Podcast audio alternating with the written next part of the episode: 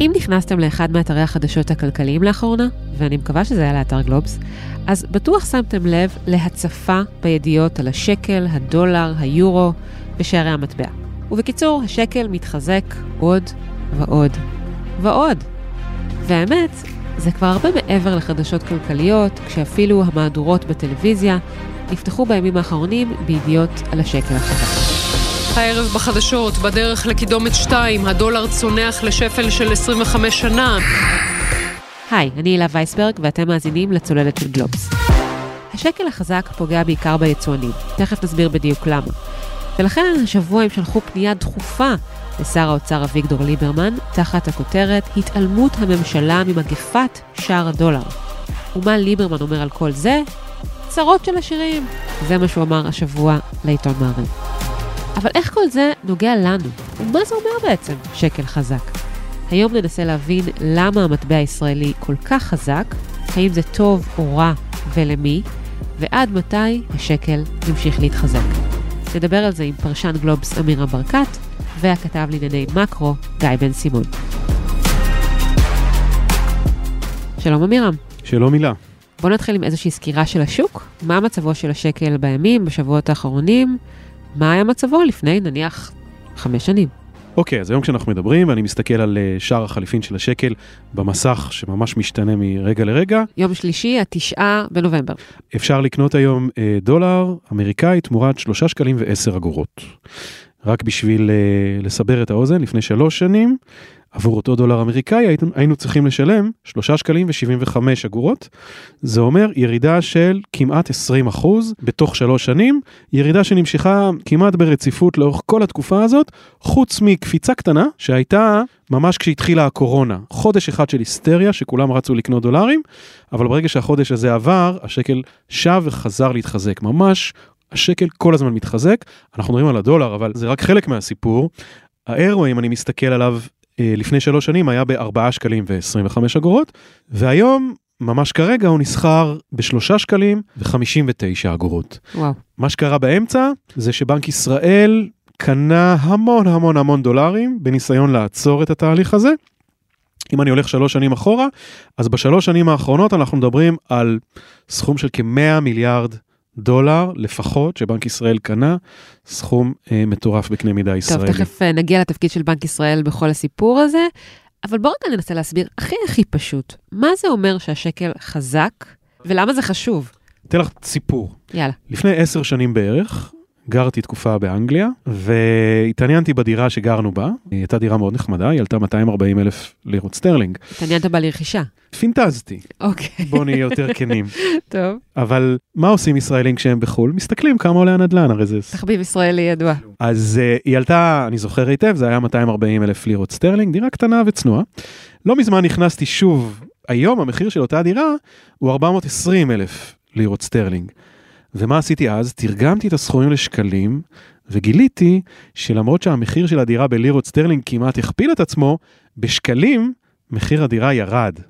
זאת אומרת שאם היום הייתי קונה את הדירה ב-420 אלף לירות סטרלינג, זה היה עולה לי פחות ממה שזה היה עולה לי לפני 10 שנים, כשזה עלה רק 240 אלף לירות סטרלינג. זה מראה לך עד כמה השקל התחזק, וכמה זה הופך אותנו, הישראלים, שמקבלים את השכר שלנו ואת ההכנסות שלנו מכל מיני מקורות בשקלים, עד כמה זה בעצם הפך אותנו ליותר עשירים. זה סוג של מה שקוראים הכלכלנים, אפקט עושר.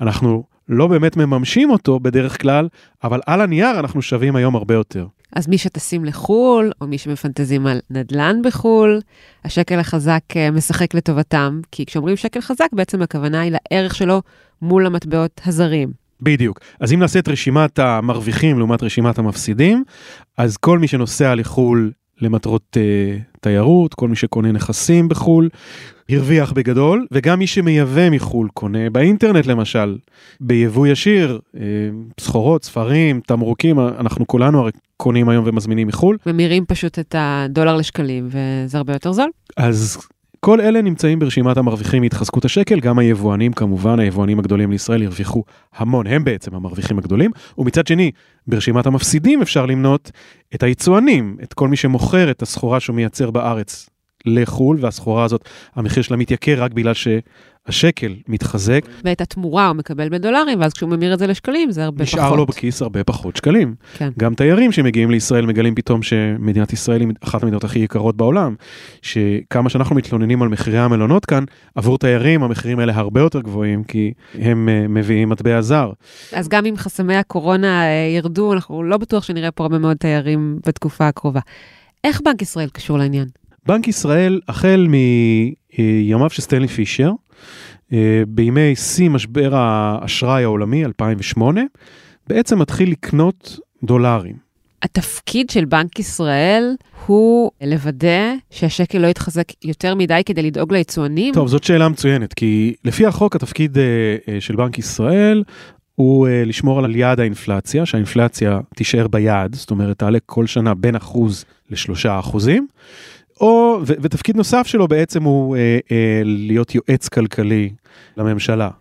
והוא שולט גם על גובה הריבית. נכון, והוא גם צריך לשמור על, אה, הוא גם צריך להסתכל על שיעור האבטלה, אה, על מצב המשק, בדגש על שיעור האבטלה. כשהכינו את חוק בנק ישראל חשבו גם על העניין הזה. בעצם ההתערבות של בנק ישראל באה כדי להגן על הייצוא הישראלי, להגן על התעשייה הישראלית. זאת המטרה המרכזית שלשמה הוא קנה. בתחילת הדרך, כשבנק ישראל התחיל לקנות דולרים, היה לו עוד נימוק. הנימוק הנוסף היה שלישראל יש יתרות מטח מאוד מאוד נמוכות. אז יתרות המטח שלנו היו 30 מיליארד דולר, סדר גודל. והיום? מאז בנק ישראל קונה וקונה וקונה וקונה, היום אנחנו כבר עברנו את ה-200 מיליארד דולר, מודדים את זה תמיד ביחס לגודל הכלכלה או ביחס לגודל התוצר. שהוא קונה דולרים כדי למתן את התחזקות השקל. אז בהתחלה זה היה משתי סיבות, א', כי היתרות שלנו היו נמוכות, היום זה כבר לא שם, והסיבה השנייה זה כדי למתן ובעצם להחליק, זה נקרא בשפת הכלכלנים, לנסות קצת להחליק את התנודתיות הזאת. כי בנק ישראל ובכלל כל מי שמנהל איזשהו עסק, הדבר שהוא הכי לא אוהב זה קפיצות מאוד חדות, שמשבשות לך את כל החישובים, את כל התחשיבים, אז בנק ישראל מתערב כשיש תנודות מאוד חדות בשער המטבע. האם זהו תפקיד שלוקחים על עצמם גם בנקים מרכזיים במדינות אחרות בעולם? יש ויכוח מאוד גדול במדינת ישראל שמתנהל כבר הרבה שנים בין בנק ישראל לבין כלכלנים בכירים שטוענים שזה לא מתפקידו של בנק ישראל להתערב, שצריך לתת לשקל להתחזק חופשי, וואלה. ושהכלכלה תתאים את עצמה. הם אומרים, כמו שיש מפסידים מהתחזקות השקל, יש גם מרוויחים מהתחזקות השקל. אז אם יהיה לא משתלם לייצא, אז אותם יצואנים פשוט יהפכו ליבואנים, או שיעשו משהו אחר. ואם כתוצאה מהתחזקות השקל מפעלים שמייצאים ייאלצו לפטר עובדים, העובדים שיפוטרו ימצאו תעסוקה בענפים אחרים, נגיד במסחר. נשמע כמו הוויכוח uh, שמתחולל סביב השאלה עד כמה צריך להיות, להתערב בכלל בשוק נכון. הכלכלי. אותם כלכלנים שמאמינים שצריך לתת לשווקים להתנהל בצורה חופשית, הם אלה שעומדים בראש מחנה המתנגדים להתערבות של בנק ישראל. מה הם אומרים? הם אומרים, בנק ישראל בעצם מעוות את שערי החליפין, ולכן כשאיש עסקים מקבל היום החלטה אם להשקיע במפעל שמייצא את הסחורה שלו, או להשקיע במפעל שמייבא, או להשקיע בבניית קניון, ההחלטה הזאת מתקבלת על סמך נתונים מעוותים, כי הוא רואה את השערים שבנק ישראל השפיע עליהם, ולא את השער האמיתי, כפי שהוא צריך להיות בשוק חופשי. ולכן, כש...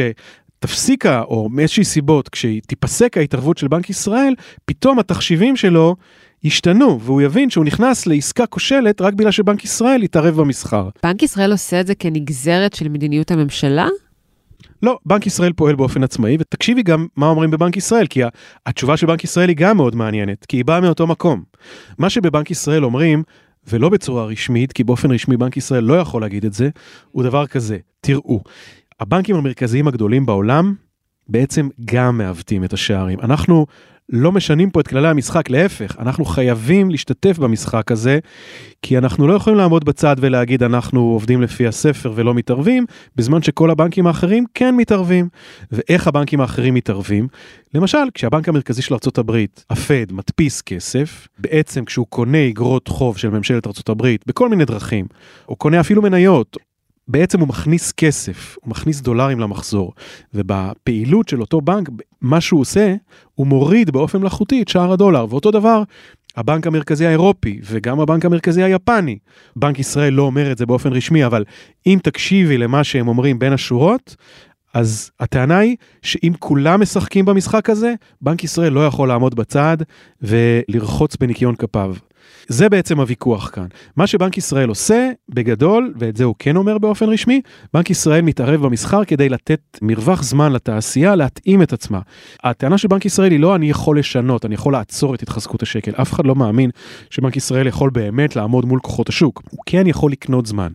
בזה שהוא קונה דולרים, הוא יכול קצת לעכב את ההתחזקות של השקל, וזה אמור לקנות זמן לתעשייה, להגיד להם, תשמעו, אתם רואים שכבר כל כך הרבה שנים השקל רק מתחזק, אז תסיקו את המסקנות ותתאימו את עצמכם למציאות הזאת. אנחנו מחזיקים ככה בכוח את הסכר.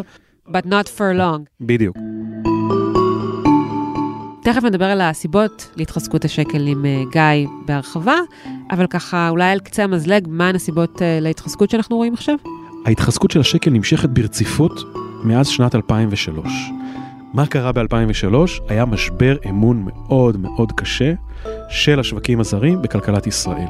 המשקיעים הזרים ברחו מכאן, ודירוג האשראי של מדינת ישראל היה בסכנת התרסקות. היו שם מגוון גורמים, האינתיפאדה השנייה למשל, המדיניות הכלכלית של הממשלות של אז, שלא הצליחו להחזיק את הגירעון. היה איזשהו שידוד מערכות, איזשהו איתחול מחדש, נקבעו כללים שהגבילו את ההוצאה הממשלתית, ומאז 2003 ועד היום אנחנו רואים מגמה אחת מאוד ברורה, הכלכלה הישראלית צומחת בקצב הרבה יותר מהיר מהחוב של הממשלה. מה זה אומר? זה אומר שהיכולת של הממשלה לעמוד בפירעון של החובות שלה הולכת וגדלה, הולכת וגדלה כל הזמן, בהדרגה, על פני אה, כמעט 20 שנה. אוקיי, ומה עוד קרה? כשזה קורה, מה זה גורם? זה בעצם גורם לחברות דירוג האשראי להעלות את דירוג האשראי של ישראל. זה תהליך ארוך שגורם לשווקים ולמשקיעים הזרים לתת יותר ויותר אמינות לממשלות כאן. במקביל אנחנו רואים עוד כמה תופעות שהן בעצם רוח, סוג של רוח גבית. התופעה הכי בולטת שכולנו מכירים זה העלייה של מגזר ההייטק ב- בישראל, ההייטק הישראלי הופך לסוג של מקור עוצמה של הכלכלה הישראלית. מדובר במגזר שמייצא את המוצרים שלו. זה מגזר ייצוא, זה מגזר שהוא אה, עמיד מאוד למשברים, ראינו את זה במשבר האחרון, הוא כמעט לא נפגע במשבר הקורונה. המגזר הזה בישראל הוא מאוד חזק. ההשקעות של ישראל במחקר ופיתוח, כמות היוניקורנים שיש בישראל, כמות האקזיטים שיש בישראל וגם מספר המועסקים. ההייטק הישראלי מעסיק כ-10% מהשכירים במשק. זה אולי לא הרבה בתוך הכלכלה, אבל בהשוואה בינלאומית זה אחד הנתונים הכי גבוהים בעולם. אז מה הקשר להתחזקות השקל? בעצם השורה התחתונה שמסתכלים עליה היא החשבון השוטף במאזן התשלומים. זה ביטוי מאוד מפחיד שבסך הכל בא לומר כמה דולרים נכנסים לפה וכמה דולרים יוצאים מפה. אז כשעושים את המאזן הזה מגלים שבמשך 20 שנה לפחות נכנסים למדינת ישראל יותר דולרים ממה שיוצאים ממדינת ואז ישראל. ואז מה קורה? וכשנכנסים לאיזשהו מקום יותר דולרים, הכלל הכי בסיסי בכלכלה, היצע וביקוש, אומר שהמחיר של השקל עולה, כי יותר אנשים רוצים לקנות שקלים מאנשים שמוכרים שקלים. אנחנו יכולים לדבר הרבה על הגורמים, אבל בשורה התחתונה, זה מה שמניע את התחזקות השקל. וזה גם באיזשהו אופן עכשיו קצת פוגע בהייטק, כי הרי הוא יצואן, זאת אומרת, יש פה איזושהי תנועת מלקחיים. ככל שהייצוא של ההייטק יותר מצליח ויותר פורח, זה גם מחזק את השקל. כי ככל שיותר ויותר סחורות יוצאות מישראל, לא משנה אם זה באוניות, או שזה פשוט באימייל, או, או בוואטסאפ אפילו, אבל ככל שיותר ויותר מוצרים ושירותים וסחורות שיוצאים מישראל נמכרים בדולרים או ביורו, לא משנה באיזה מטבע, ואחר כך אה, המוכרים שלהם ממירים אותם בחזרה לשקלים, כי הם צריכים את הכסף בשביל לשלם משכורות לעובדים שלהם, בשביל לשלם שכירות, בשביל לקנות במכולת, ככל שהתופעה הזאת הולכת וגדלה ומתחזקת, ככה השקל הולך ומתחזק. אז ההצלחה הגדולה של ייצוא ההייטק בעצם גורמת להתחזקות של השקל. בינתיים אנחנו רואים שייצוא ההייטק מאוד עמיד לשקל חזק. זאת אומרת, אנשים רוצים לקנות את השירותים והמוצרים של ההייטק הישראלי, למרות שהמחיר שלהם יותר ויותר גבוה. אנחנו לא בטוחים שזה יישאר ככה תמיד, אבל לפחות עד עכשיו, אנחנו ראינו שהשקל החזק לא פגע בהייטק, אנחנו מניחים שהוא כן פגע בענפים אחרים. כשבעצם מה יכולה להיות הסיבה לכך? כשיש לך מתחרים. נגיד אתה רוצה למכור את השולחנות שלך למפעל בארצות הברית, ואותו מפעל יכול לקנות אותו שולחן מאירופה, אז יש משקל מאוד גדול למחיר. כן. לעומת זאת, כשאתה סטארט-אפ ויש לך מוצר ייחודי ביד, אז ירצו לקנות אותך, כי אי אפשר להשיג את זה במקום אחר, ולכן יהיו מוכנים לשלם יותר עבור המוצר שלך. לכן, ייצוא הסחורות, או הייצוא הפחות הייטקיסטי, פחות מתוחכם, פחות חדשני של ישראל, הרבה יותר חשוף לשקל חזק מהייצוא של ההייטק. עמירם, תודה רבה. תודה רבה, הילה.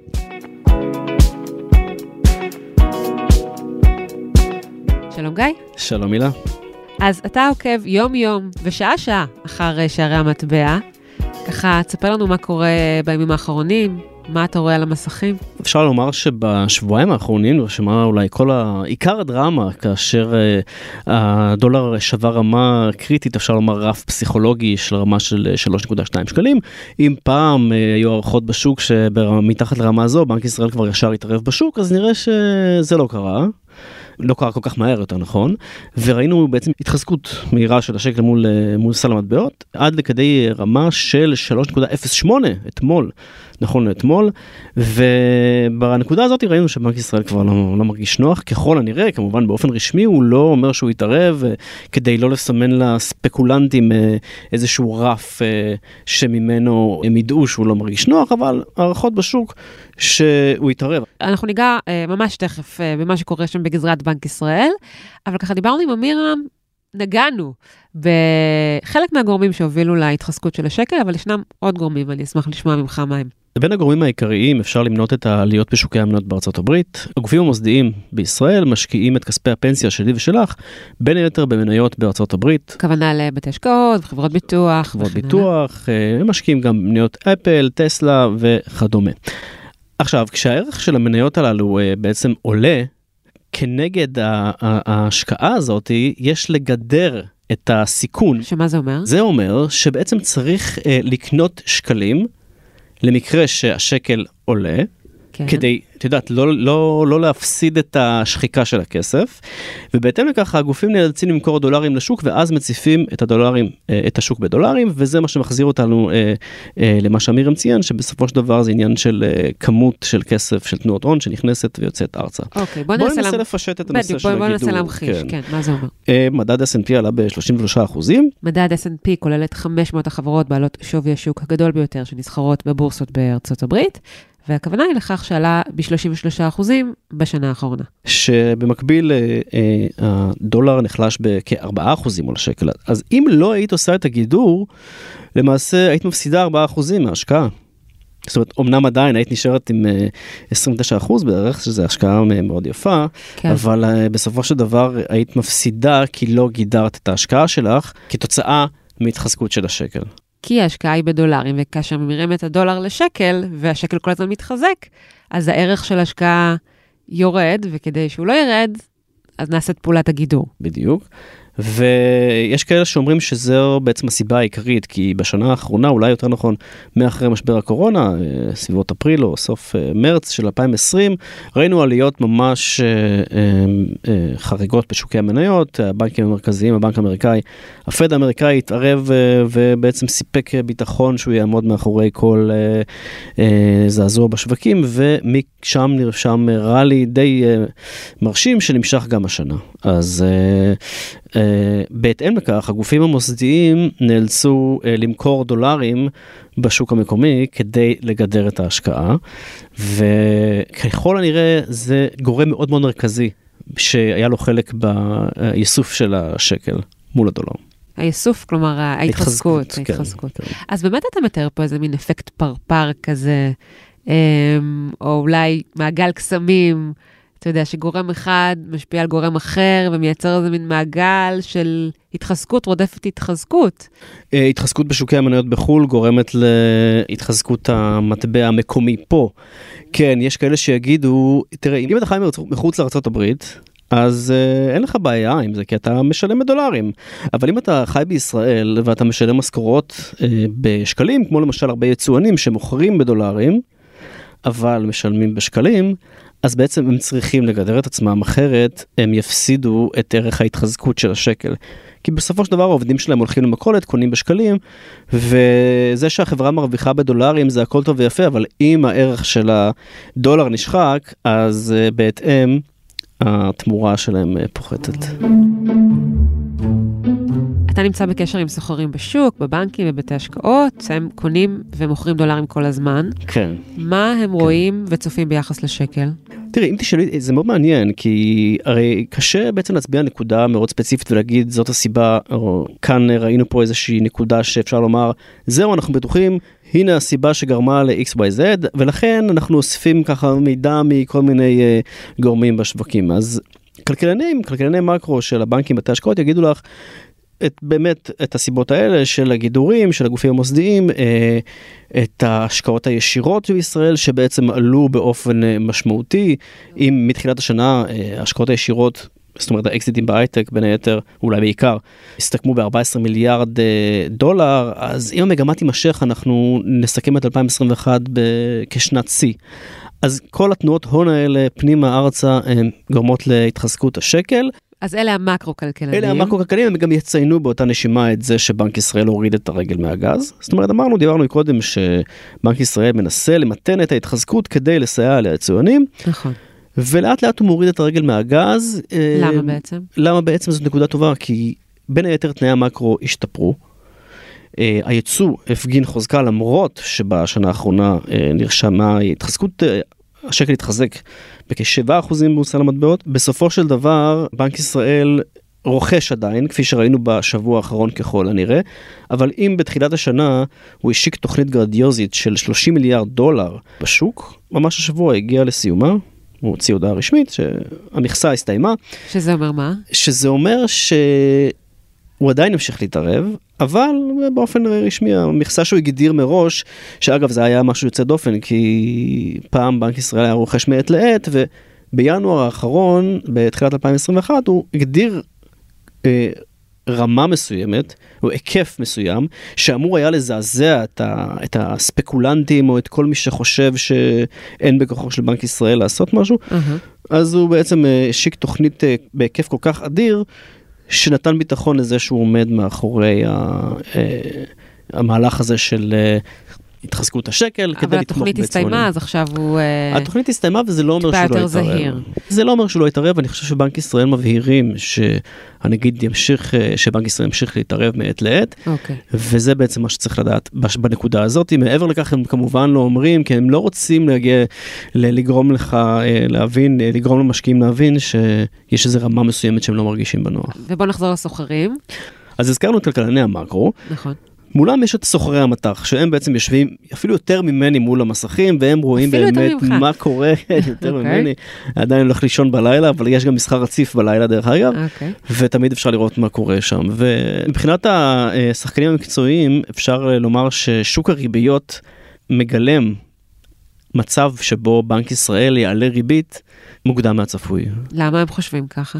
הודעת הריבית האחרונה כביכול על פניו הייתה משעממת, הריבית נותרה ללא שינוי, אבל... כבר הרבה שנים משעממת. כן, הרבה שנים משעממת, אבל מאחורי הקלעים קורים דברים. אה, כן, אוקיי. קורים דברים. נו, ו... ספר לנו, ספר, מה קרה מאחורי הקלעים? אז זה לא כזה סוד, כי שבועיים אחרי החלטת הריבית, הפרוטוקולים של הישיבה מתפרסמים. אוקיי. ובפרוטוקולים של הישיבה האחרונה ראינו קצת שינוי בדעות של ששת חברי הוועדה המוניטרית. הוועדה המוניטרית מורכבת משישה חברים, כל אחד מהם פרופסור אה, מכובד, שלושה מנציגי הציבור ושלושה נציגים מבנק ישראל, בהם הנגיד שלא יש זכות וטו. והיה נציג אחד. והיה נציג אחד שהצביע בעד העלאה של הריבית כבר עכשיו. וואי. זאת אומרת כבר לפני ההודעה הקודמת. Uh-huh. יש כאלה שיגידו, רגע, יש פה שינוי מ-0 ל-1. אז קרה פה משהו. אוקיי, okay. ובהנחה שמתרחשת העלאת ריבית, איך זה משפיע על שער המטבע, על השקל? אז בהנחה שבעצם מעלים ריבית, המטבע המקומי מתחזק. מן הסתם זה תהליך אה, טבעי בכלכלה, ברגע שיש פה ריבית יותר אטרקטיבית, תנועות ההון מתכנסות פנימה כדי לקבל יותר תמורה. אז מהרגע שאמרנו שיש ציפייה להעלאת ריבית, בוא נסתכל רגע על הגופים המוסדיים את יודעת מה? גופים מוסדיים פה שמנהלים אה, הרבה כסף. אוקיי. Okay. הם אומרים, רגע, בנק ישראל אומר שהריבית תישאר פה נמוכה לאורך זמן. ופתאום יש פה איזה סוג של שינוי, השינוי הזה הוא כמובן לא רשמי, אבל יש פה איזושהי ציפייה, הערכות של שחקנים, אז זאת אומרת ש... רגע, אולי אני בעצם צריך למכור כבר עכשיו את הדולרים שלי, כי הריבית פה היא הולכת להשתנות. וברגע שהשוק מוצף בדולרים אז השקל מתחזק, השוק המקומי, השקל מתחזק, אז זה בעצם תהליך שקורה אה, במקביל. ואז למה זה גורם? מה אנחנו רואים שמתרחש? ואז אנחנו רואים שמתרחש אה, מהלך של התחזקות של המטבע המקומי. אה, וזה בין, בגלל הסיבה, בגלל הציפייה לעלייה של הריבית. אבל חשוב לציין דבר אה, מאוד מאוד אה, משמעותי. בנק ישראל צופה שהריבית תישאר נמוכה לאורך זמן. הוא לא צופה שינוי בריבית באמת, אה, אולי יש דיונים מאחורי הקלעים, או חבר ועדה אחד חושב שכן, אבל העמדה הרשמית של בנק ישראל היא שהאינפלציה פה היא נמוכה יחסית לעולם, לא מצדיקה אה, מצב אה, של העלאת ריבית. אוקיי, כאשר באמת היא נמצאת גם בטווח האינפלציה, נכון? שהוא בין, בין אחוז לשלושה. לשלושה. כן, אבל ציפיות האינפלציה קדימה, הן אה, מצביעות על כך שהמגמה אה, שלהם צפויה להימשך, ואז עולות שאלות כמו, האם צריך להעלות ריבית כדי לרסן אינפלציה? והתשובה היא לא. התשובה כרגע. היא לא, כי האינפלציה בישראל ובכלל בעולם כרגע נובעת בגלל שיבוש ההיצע. שיבושים בשרשרת האספקה העולמית, בגלל ש... נגיד אה, בגלל התאוששות אה, איטית של גורמים כאלה ואחרים בשרשרת אספקה עולמית אה, מתקופת הקורונה וקושי בעצם לעמוד בביקוש. אבל כשמעלים את הריבית כדי לרסן אינפלציה בדרך כלל זה אה, אה, נובע כדי אה, לרסן את צד הביקושים ומאחר והבעיה פה היא כרגע צד ההיצע אז העלאת ריבית עשויה בעת הזו לחנוק את הכלכלה. וזה משהו ש... וגם בנק ישראל לא רוצה לחזק עוד את השקל, אז זה בוודאי לא נראה כמו מהלך שהוא ילך כן, אליו יש פה כרגע. בעצם מלכוד מסוים שבנק ישראל כמובן רוצה לחזק את השקל עם העלאת הריבית, אבל חשוב לזכור, המצב של האינפלציה בישראל הוא קצת שונה, לא כמו בפולין בצ'כיה, שם האינפלציה כבר אה, משתוללת. משתוללת, אה, והבנק המרכזי לקח בצעדים, יש כאלה שיגידו בגלל לחץ פוליטי, אז המצב פה הוא קצת שונה, וגם יש פה עוד איזושהי אה, זווית מסוימת, כי אהה. ההתחזקות של השקל ממתנת את האינפלציה. למה? כי בעצם היבואנים שסבלו ועדיין סובלים מייקור חומרי הגלם, המטבע שתמורתו הם משלמים מתחזק כרגע, אז יש פה איזשהו גורם ממתן לאינפלציה. מהמם. אז יש פה כמה שיקולים אה, מאוד מורכבים. לא פשוט להיות אה, נגיד בנק ישראל בימים אלה. אבל תגיד, גיא, כמה נמוך עוד השקל צפוי לרדת? עד מה, מה, מה תהיה התחתית? זאת שאלה ממש טובה, כי אתמול מי שהסתכל ראה איזושהי צורה של V בגרף, אחרי הנפילה פתאום באה קפיצה, מעריכים שקפיצה כזאת, בסדר גודל כזה, רק בנק ישראל יכול uh, לבצע, או להביא לקפיצה כזאת, על ידי זה שהוא uh, רוכש דולרים, זאת אומרת, כן. מצמצם את ההיצע קצת. רואים את היד הנעלמה של בנק ישראל, את הפעולות כן. שלו, אוקיי. מאוד קשה לבלום את התחזקות השקל, אבל אפשר למתן את ההתחזקות, וזה מה שבנק ישראל עושה. תנועות ההון ארצה ימשיכו ויימשכו ככל שענף ההייטק ישגשג ונראה שהגורמים כמו שוקי המניות אם הם יעלו מעבר לים אז הגורמים האלה שדיברנו עליהם הם צפויים להימשך. כן, אבל התנועה היא מטה. תנועה של המטבע הדולר מול השקל היא בדיוק. מטה. השאלה עד איזו רמה בעצם היצואנים יגידו, הם כבר אומרים, אנחנו לא יכולים יותר, אבל תמיד הם אומרים את זה מצד אחד. מצד שני, באיזו רמה זה כבר נהיה לא אטרקטיבי לייצר בישראל, לייצא מישראל. היצואנים אומרים שבעשור החולף 30% מהחברות העתיקו את היעילות שלהן בגלל שערי מטח אה, לא אטרקטיביים. מצד שני, אה, היה משהו מעניין בציטוט שלה נגיד בשבוע שעבר עם חגיגות התקציב. הוא אמר שהם דואגים ליצואנים בגדול, אבל יש גם את הצרכנים ואת היבואנים, והאינפלציה יקרה את חומרי הגלם ליבואנים. אולי, לא בטוח, אבל אולי חושבים שם בבנק ישראל על uh, טווח של שער חדשה? חליפין, uh, פעם דיברו על שער חליפין דינמי, אולי הם חושבים על רמה מסוימת שאפשר לחיות איתה קצת ממה שאנחנו רגילים, לטובת היבואנ, אה, היבואנים והצרכנים ולמורת רוחם של היצואנים. אז מה הצפי שלך לגבי יחס השקל דולר לחודשים והשנים הקרובות?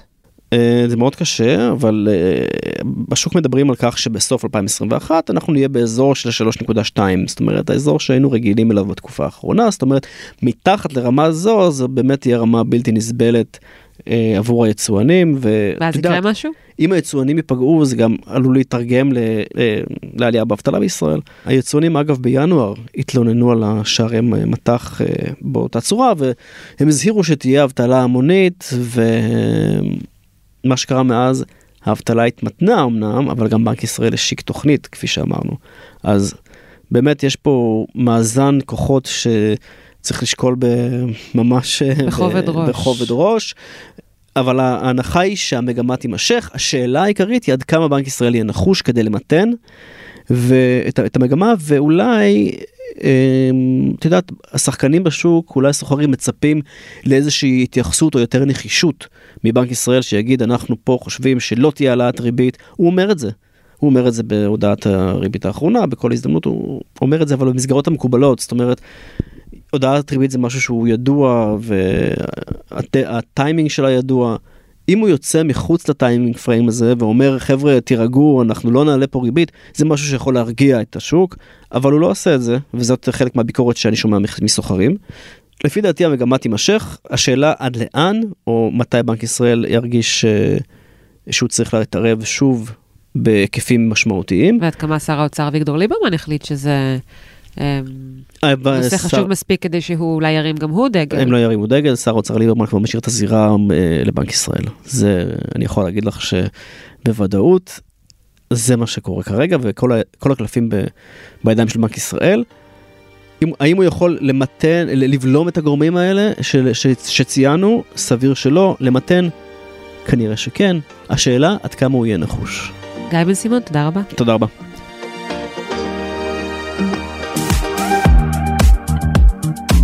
קטע החדשות ששמעתם בפתיח הוא באדיבות חדשות 12.